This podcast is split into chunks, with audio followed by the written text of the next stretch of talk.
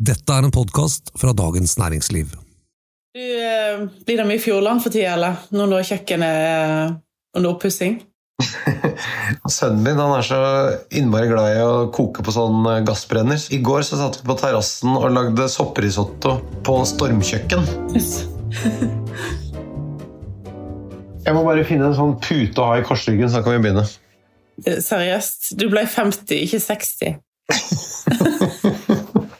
Hei, kjære lytter, og hjertelig velkommen til denne ukens utgave av Jeg kan ingenting om vin. Og velkommen til doktor av vitis viniferea og dens muligheter og begrensninger, Merete Bø. Så hyggelig. Takk. Vitis viniferea, hva er det, Merete? Du, det er familien eh, som alle vindruene er i. Druefamilien. Heter ikke familien, heter det? Ja, i slekta. Nei, det er jo mange eh, familier i drueverden, men, eller slekter, men eh, den er den som lager de beste drueproduserende planter. Med tanke på vin. ja. Men det er ikke de samme druene som vi spiser når vi kjøper druer i butikken, f.eks. Druene som er i butikken, er mye større, har eh, stort sett ikke stein lenger, eh, og er mye tynnere i skala. Lettere å ete enn eh, vindruer. Bortsett fra av og til så kan en få sånne søte muskatdruer i butikken. Det er kanskje eneste unntaket. Fordi vin fra andre druearter, det, det blir ikke noe godt. Nei, men vi er jo helt avhengig av de.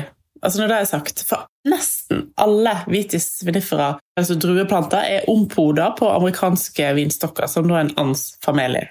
Nemlig. Men selve planten er vitis vinifera. Er det Ja. det? Nei, hvordan sier du det?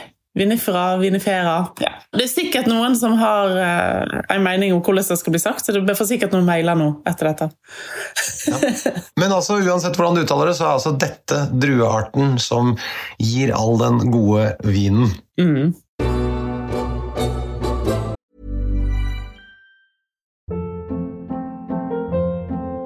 Hold up. What was that? Boring. No flavor. That was as bad as those leftovers you ate all week. Kiki Palmer here, and it's time to say hello to something fresh and guilt-free. Hello Fresh. Jazz up dinner with pecan-crusted chicken or garlic butter shrimp scampi. Now that's music to my mouth. Hello Fresh. Let's get this dinner party started. Discover all the delicious possibilities at hellofresh.com.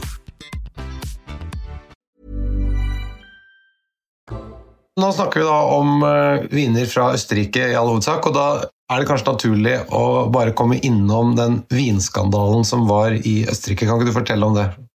Altså På 80-tallet så var jo tysk vinproduksjon for eksempel, på sitt aller verste. Fordi at eh, de eh, skulle få økonomien opp fortsatt. Det var jo bare 40 år etter krigen. Det som skjedde, var at eh, de oppdaga noen som hadde tilsatt Det var en rekke produsenter faktisk, som hadde tilsatt et eh, stoff i vinen for å gjøre den eh, mer viskøs, litt fyldigere og litt, ja, litt sånn søtligere i stilen. Og da eh, stoffet heter, nå skal jeg holde tunga rett i munnen, ditylenkol, eller glykol, eller noe sånt, som er litt sånn direkte oversett, i hvert fall en ingrediens i spylevæska. Sånn som du bruker til å spyle frontruta med. Ja. Så da ble det spylevæskeskandalen i 1985 i Østerrike, og det var på alle aviser i hele verden. Og eh, eksporten falt med 80% over natta. Altså, Østerriksk vinproduksjon var jo helt i ruiner. Mm. Det som skjedde i etterkant, var jo at de fant ut at nå må vi virkelig fokusere mer på kvalitet og prøve å legge dette bak oss, fordi at det var jo katastrofalt, ikke sant? Så det dette førte til, var jo en slags gjenoppbygging og en satsing på østerriksk vin. Mm. Resultatet av det er de vinene som er i markedet nå. Og det er jo veldig mye bra for Østerrike, både på rødt og hvitt, ikke bare grüner, men på mange andre druer. Og eh, salget har jo gått opp, opp, opp, og ja. Eh, og hvis vi ser jevnt over, da, som totalt vinproduserende land, så er den jevne kvaliteten høyere egentlig i Østerrike enn i Tyskland i dag. Da jeg tok vinkelnerstudiet, så fikk jeg beskjed om at vi skulle på studietur til Østerrike, og det tenkte jeg det var skikkelig nedtur. Så jeg grua meg. og tenkte det hadde vært mye gøyere om vi dro til et sted som jeg hadde hørt litt mer om. Men jeg må si at der tok jeg feil.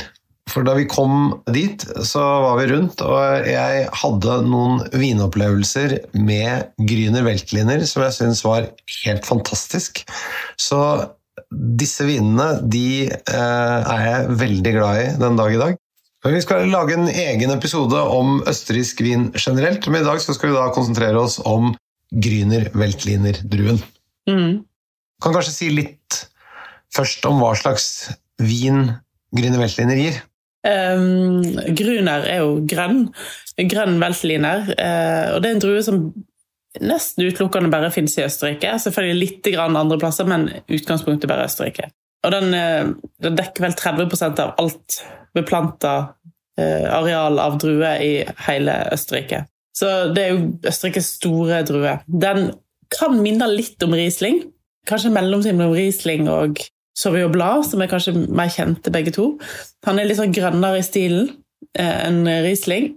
Har lavere syre og ofte høyere alkohol. For å gjenkjenne en grüner veltliner så syns jeg alltid det lukter litt sånn fersken. Av og til litt sånn grønne frukter, stikkelsbær, grønn melon og pære. Og så er det én distinkt ting som er med grüner, og det er at det ofte lukter hvit pepper. Og hvit pepper er det nesten bare den druen som lukter. Men eh, du unngår da kattepisslukten, som du ofte får på Blanc. ja, det er derfor du ble sånn Yes, endelig! Med en litt grønn drue som ikke lukter kattepiss. Savignon Blad minus kattepiss, what's not to like? Ja. jeg kan godt gi 95 poeng til en grønn veltline. Men personlig så syns jeg at uh, druen ofte gir litt høy alkohol og litt lite friskhet. sånn til min personlige smak. Det er også et spørsmål om vinmaking. Ja, ja. Der de klarer å bevare friskheten og ha den eh, moderate eh, alkoholen, det blir fantastisk. Ja, og de beste produsentene lager veldig gode grüner, og veldig lagringsvennlige grüner. For vanligvis er jo grüner eh, en vin som egentlig ikke trenger å ligge, og ikke bør ligge. Men så er det noen unntak, da, som jeg skal nevne. Klassifikasjonssystemet i Østerrike?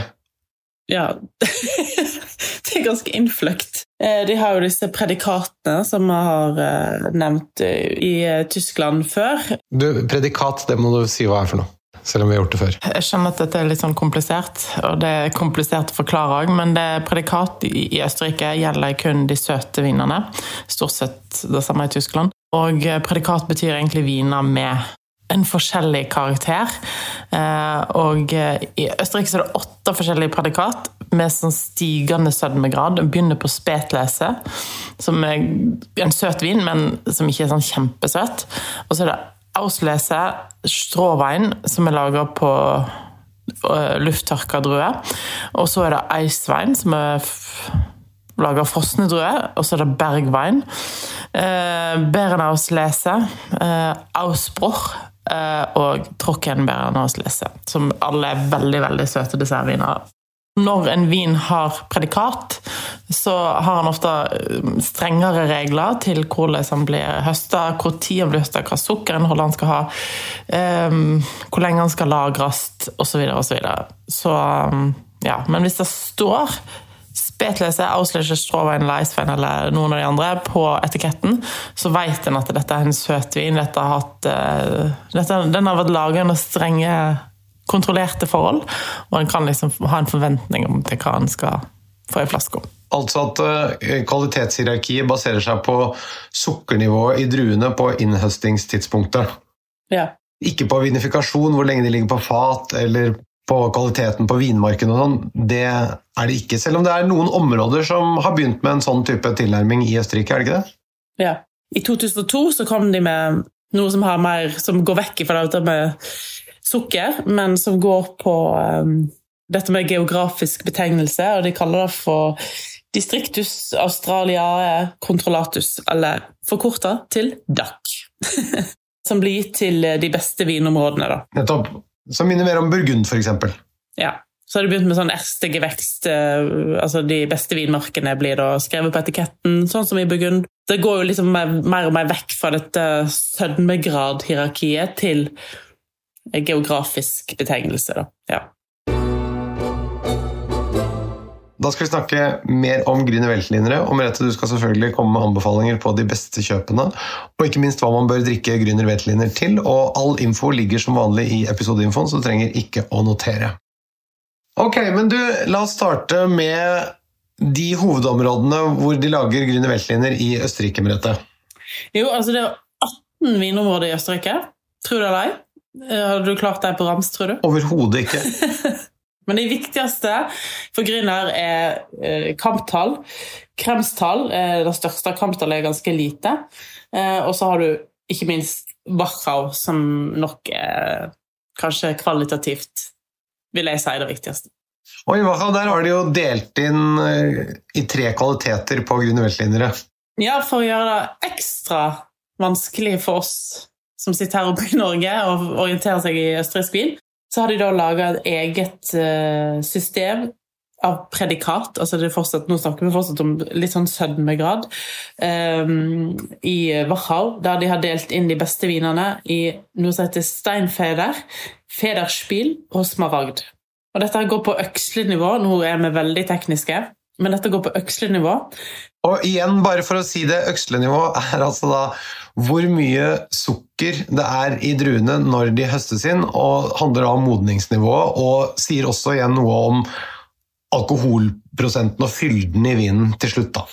Ja. For det er, det er tørre viner vi snakker om. Det er tørre viner. Så Steinfeder eh, har eh, maksimalt alkoholinnhold på 10,7% Det er de letteste vinene. ja. Og så kommer Federspill. Ja, på maksimalt 12,2. Eh, og så er det smaragda, som er liksom den dyreste og liksom flotteste stilen, som har da minst 12,2 og over. De er jo det vi snakket om innledningsvis, at de er jo viktig at de ikke blir for alkoholrike. Ja. Men både Federspill og Steinfeder kan av og til være litt sånn lette og mangle litt sånn trøkk. Ja, Smaragd er ofte litt sånn rikere i stilen og har litt mer dybde, da. Fordi at de, druene har fått hengt litt lenger. ikke sant? Ja. Så nettopp fordi at det, det handler jo også om den aromatiske modningen, kan hende. da. ja, selvfølgelig.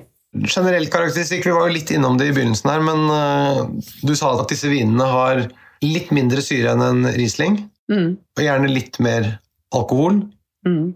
men de skal være tørre. tørre. Eh, Det som er veldig fint med Grüner, er at det er veldig matvennlige viner.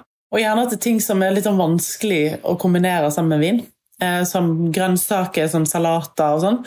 Eh, Tomater, eksempel, er sånn generelt Hvis du har mye tomat på tallerkenen, eller en tomatsalat, og sånn, så er sånn gryner ofte en veldig god kombinasjon. Eh, Grüner er også en av de få druene som jeg har følt funker sammen med eh, Hvis det er egg. Ja. Hvis, du, hvis du lager en salat med egg, eksempel, kokt egg, det er jo kanskje ikke så ofte, men det er jo noen klassiske franske salater som har den ingrediensen i, og da egg gjør ting veldig vanskelig sammen med vin. Eh, da funker Grüner Veltliner utrolig godt. Eller det eneste som funker, egentlig. Ja. Egg og bacon og grüne veltliner. Eikebruk, fatbruk. Ja, det er jo stort sett gamle eikefat. Eh, sjelden du får eikepreg på Grüner. Jeg tenker at det er ikke så heldig hvis den har det, Eh, men de bruker veldig mye sånn kjempestore gamle eikefat. Men vet du hva? Jeg har aldri vært og besøkt en østerriksk vinprodusent. Er det sant? Ja. Og disse vinområdene ligger jo egentlig veldig kort avstand til Wien. En time, en ja, halvtime, time. Du kan jo beskrive området mer, i og med at jeg ikke har vært der, men eh, det er jo veldig bratt og flott og terrasserte gamle vinmarker som har jo over 1000 år med historie. Og det er et veldig kult eh, land å reise i og besøke vinprodusenter. fordi at eh, nettopp som vi snakket om i sted, altså at eh, den satsingen på vin der er jo veldig stor. Mm. Altså I en del andre vindistrikter så kommer du nesten ikke inn. Mm. Mens i Østerrike så er de veldig åpne og tar imot besøkende og ser det som en viktig del av å promotere vinen sin. Mm.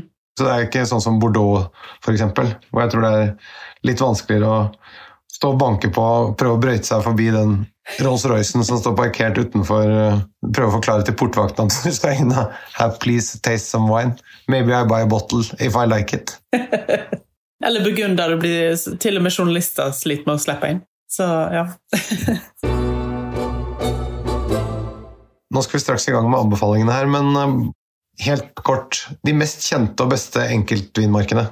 Ja, altså de, Sånn som i Wacha, da, hvis en begynner der, eh, så ligger jo de beste vinmarkene sånn over Donau, eh, elve Donau. Det er sånn som i Tyskland, at vinmarkene ligger liksom i, i forbindelse med elver, stort sett. Eh, mest fordi at eh, der er det bratt, og der får de refleksjon fra elver, solrefleksjon, så blir det modnere eh, druer. Og så var det lett å frakte ut vinen. Og de beste vinmarkene i Wachau er vel eh, Kellerberg, Durnsteiner Kellerberg og Weisenkirchen Archleiten, som er det mest steinete og bratte. Eh, og så er det Singerill, som er mest kjent for, for Riesling. Og så har du Kramtal, som har da veldig kjente vinmark som heter Lam. Eh, Grub og Renner, som eh, lager veldig flotte grønne veltlinere. Eh, og så har du da eh, Kremsdal, som ja, jeg vil si beste vinmarken er Steinar Hund. Hvis du skal gå på enkeltvinmarksgrunner for disse områdene, så vil jeg ha sett etter disse vinmarkene, uten tvil. Det kan jeg signere på. Ok, Merete, men da er vi endelig klare for anbefalingene anbefalingen du har plukket frem. Ja, altså her er det òg litt sånn som en snakker om i Tyskland. Altså, hver eneste produsent har jo så mye vin. De har så mange forskjellige viner. Eh, og kanskje de beste produsentene har fire, fem, seks forskjellige grynere på polet. Så jeg kommer til å nevne produsenter, for det er ikke én gryner som kanskje utmerker seg for den og den produsenten. Det er mer sånn at den produsenten lager god vin nesten uansett. Og min favorittprodusent i hele Østerrike Uansett hva drue det gjelder, egentlig, men særlig når det gjelder Grüner. Eh, klarer du å gjette hva det kan være, kanskje? Nikolai Hoff? Eh, ja. Faktisk. Han bruker jo veldig lite svovel og sånn, gjør han ikke det? Jo, bruker veldig lite svovel. Det er jo en av de første sånn virkelig biodynamiske forkjemperne i vins verden generelt sett. Og deres grynere eh, Jeg tror den billigste koster sånn 250 kroner. Jeg smakte jo nettopp en hel range fra Nicolai Hoff. Jeg blir like imponert hver eneste gang. At de klarer å ha lav alkohol. Eh, de klarer å holde lenge. Og nei, veldig, veldig bra produsent. Så Nikolajov, det er eh, noe man absolutt bør se etter. Men vi har flere òg. Gobelsburg og Brundelmeier og eh, Stift Gottveig. De har jo ligget der veldig lenge. Det store, flotte slott. Eh, Gottveig ligger jo oppå en sånn absurd knaus, sånn at det ser nesten ut som sånn der, et bilde som er tatt ut fra 'Ringenes herre'. eller noe sånt. Det ser helt uh, utrolig flott ut. Og alle disse lager jo kanskje de aller beste, i tillegg til Nicolai Hoff, de beste grynerne i, i Østerrike. Og uh, Gobelsburg har jo også sluppet noen sånne gamle Rieslinger ja, for de hadde et uh, jubileum, så da hadde de en uh, blend av årganger. Den eldste var 50 år, eller noe sånt, var ikke det sånn? Jeg tror det var noe sånt, ja. Ja, Og den var jo helt fantastisk. Jeg fikk dessverre ikke tak i den sjøl, men uh, du har jo noen flasker. så da... det var jo som sagt da et av de slottene vi besøkte. Vi fikk f.eks. der en suppe som de hadde laget på Riesling, hvor de bare hadde kokt ned Han påstod at det bare var Riesling som bare var redusert, redusert, redusert i altså helt veldig mye. Og så fløte, som også var redusert ned, og så var det suppen. Jeg skjønner ikke helt at det ikke var noe mer, men det var fantastisk godt. Ha, så du har ikke prøvd å gjenskape den, altså? Jeg har ikke prøvd det ennå, men uh, gå med noen liter Riesling. Og så er det et par andre produsenter jeg må nevne òg. Loimer, Fred Loimer eh, lager bra gryner. Freida Malberg. Domain Wachau. Som er et kooperativ? Ja, og lager ganske rimelige viner. Veldig sånn value for money-viner. Pichler Krutzler og ikke minst Jamek. Hvis du liker moden vin, så hender det at Jamek har noe modent eh, som kommer på polet av og til. Så de lager òg eh, som holder lenge. Ja. Bare for å si generelt, prisnivå Det er ikke veldig høyt prisnivå på østerrikske viner. Det er ganske mye kvalitet for pengene. Ja, altså De dyreste eh, ligger vel på rundt 900 kroner eller noe sånt, og det er liksom Da snakker du gamle viner. 20-30 eh, år gamle viner fra Nicolai Hoff og, og Jamek og sånne ja. ting. Så det er veldig sjeldent at eh, de koster opp i den prisen? Selv på god kvalitet? De fleste ligger jo eh, fra 200 til 400. Skulle vi kostet på oss en under 200 til slutt, da, eller? Ja, må jo da. ja. Og det er en som fins i hyllesortimentet til Polet, faktisk. Og det er en produsent som vi ikke har snakket om ennå, men som jeg liker veldig godt. Eh, som lager utrolig god vin i hele Østerrike, og er vel en av årsakene til at østerriksk vin salgsmessig i Norge har økt betraktelig de siste årene, og det er Meinklang. Eh, dette ekteparet som driver en gård, ikke bare en vigård, men en gård med masse kyr. Og Det er ofte derfor de har sånne kyr på etiketten sin. Eh, driver biodynamisk produksjon. og lage value for money-viner. Kanskje nesten bedre enn veldig mange. og de har en Grüner Veltlin her, som er basissortimentet til Polet, som heter Heidelboden. Og den koster 155 kroner.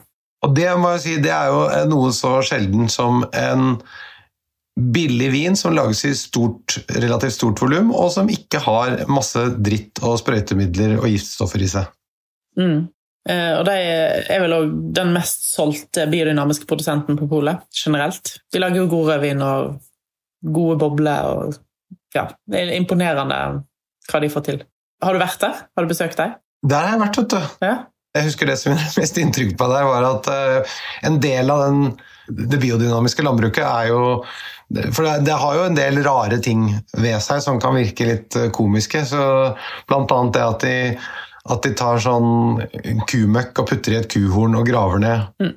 Mm. Og så tar de det opp igjen eh, og putter det som da har blitt til jord, oppi og blander ut og, og, hva skal vi si for noe, gjødsler eller vanner. Det er jo veldig sånn mikrodosering, da. Mm. Men plantene blir da sprøytet med en blanding av bitte lite grann av den jorden og vann, er det ikke det? Stemmer det. Ja. Jeg husker at den, der, den kassa med, med den bæsjen som da har blitt til jord, den kubæsjen som da har blitt til jord, den, eh, den stoppet vi opp med. da, ja. Du kan si hva du vil, Merete. Vi kan prøve å fremstå som kultivert og sofistikert, og alt mulig rart, men uh, akkurat det å stoppe opp ved den der kubæsjkassa, det, det, er det som sitter igjen.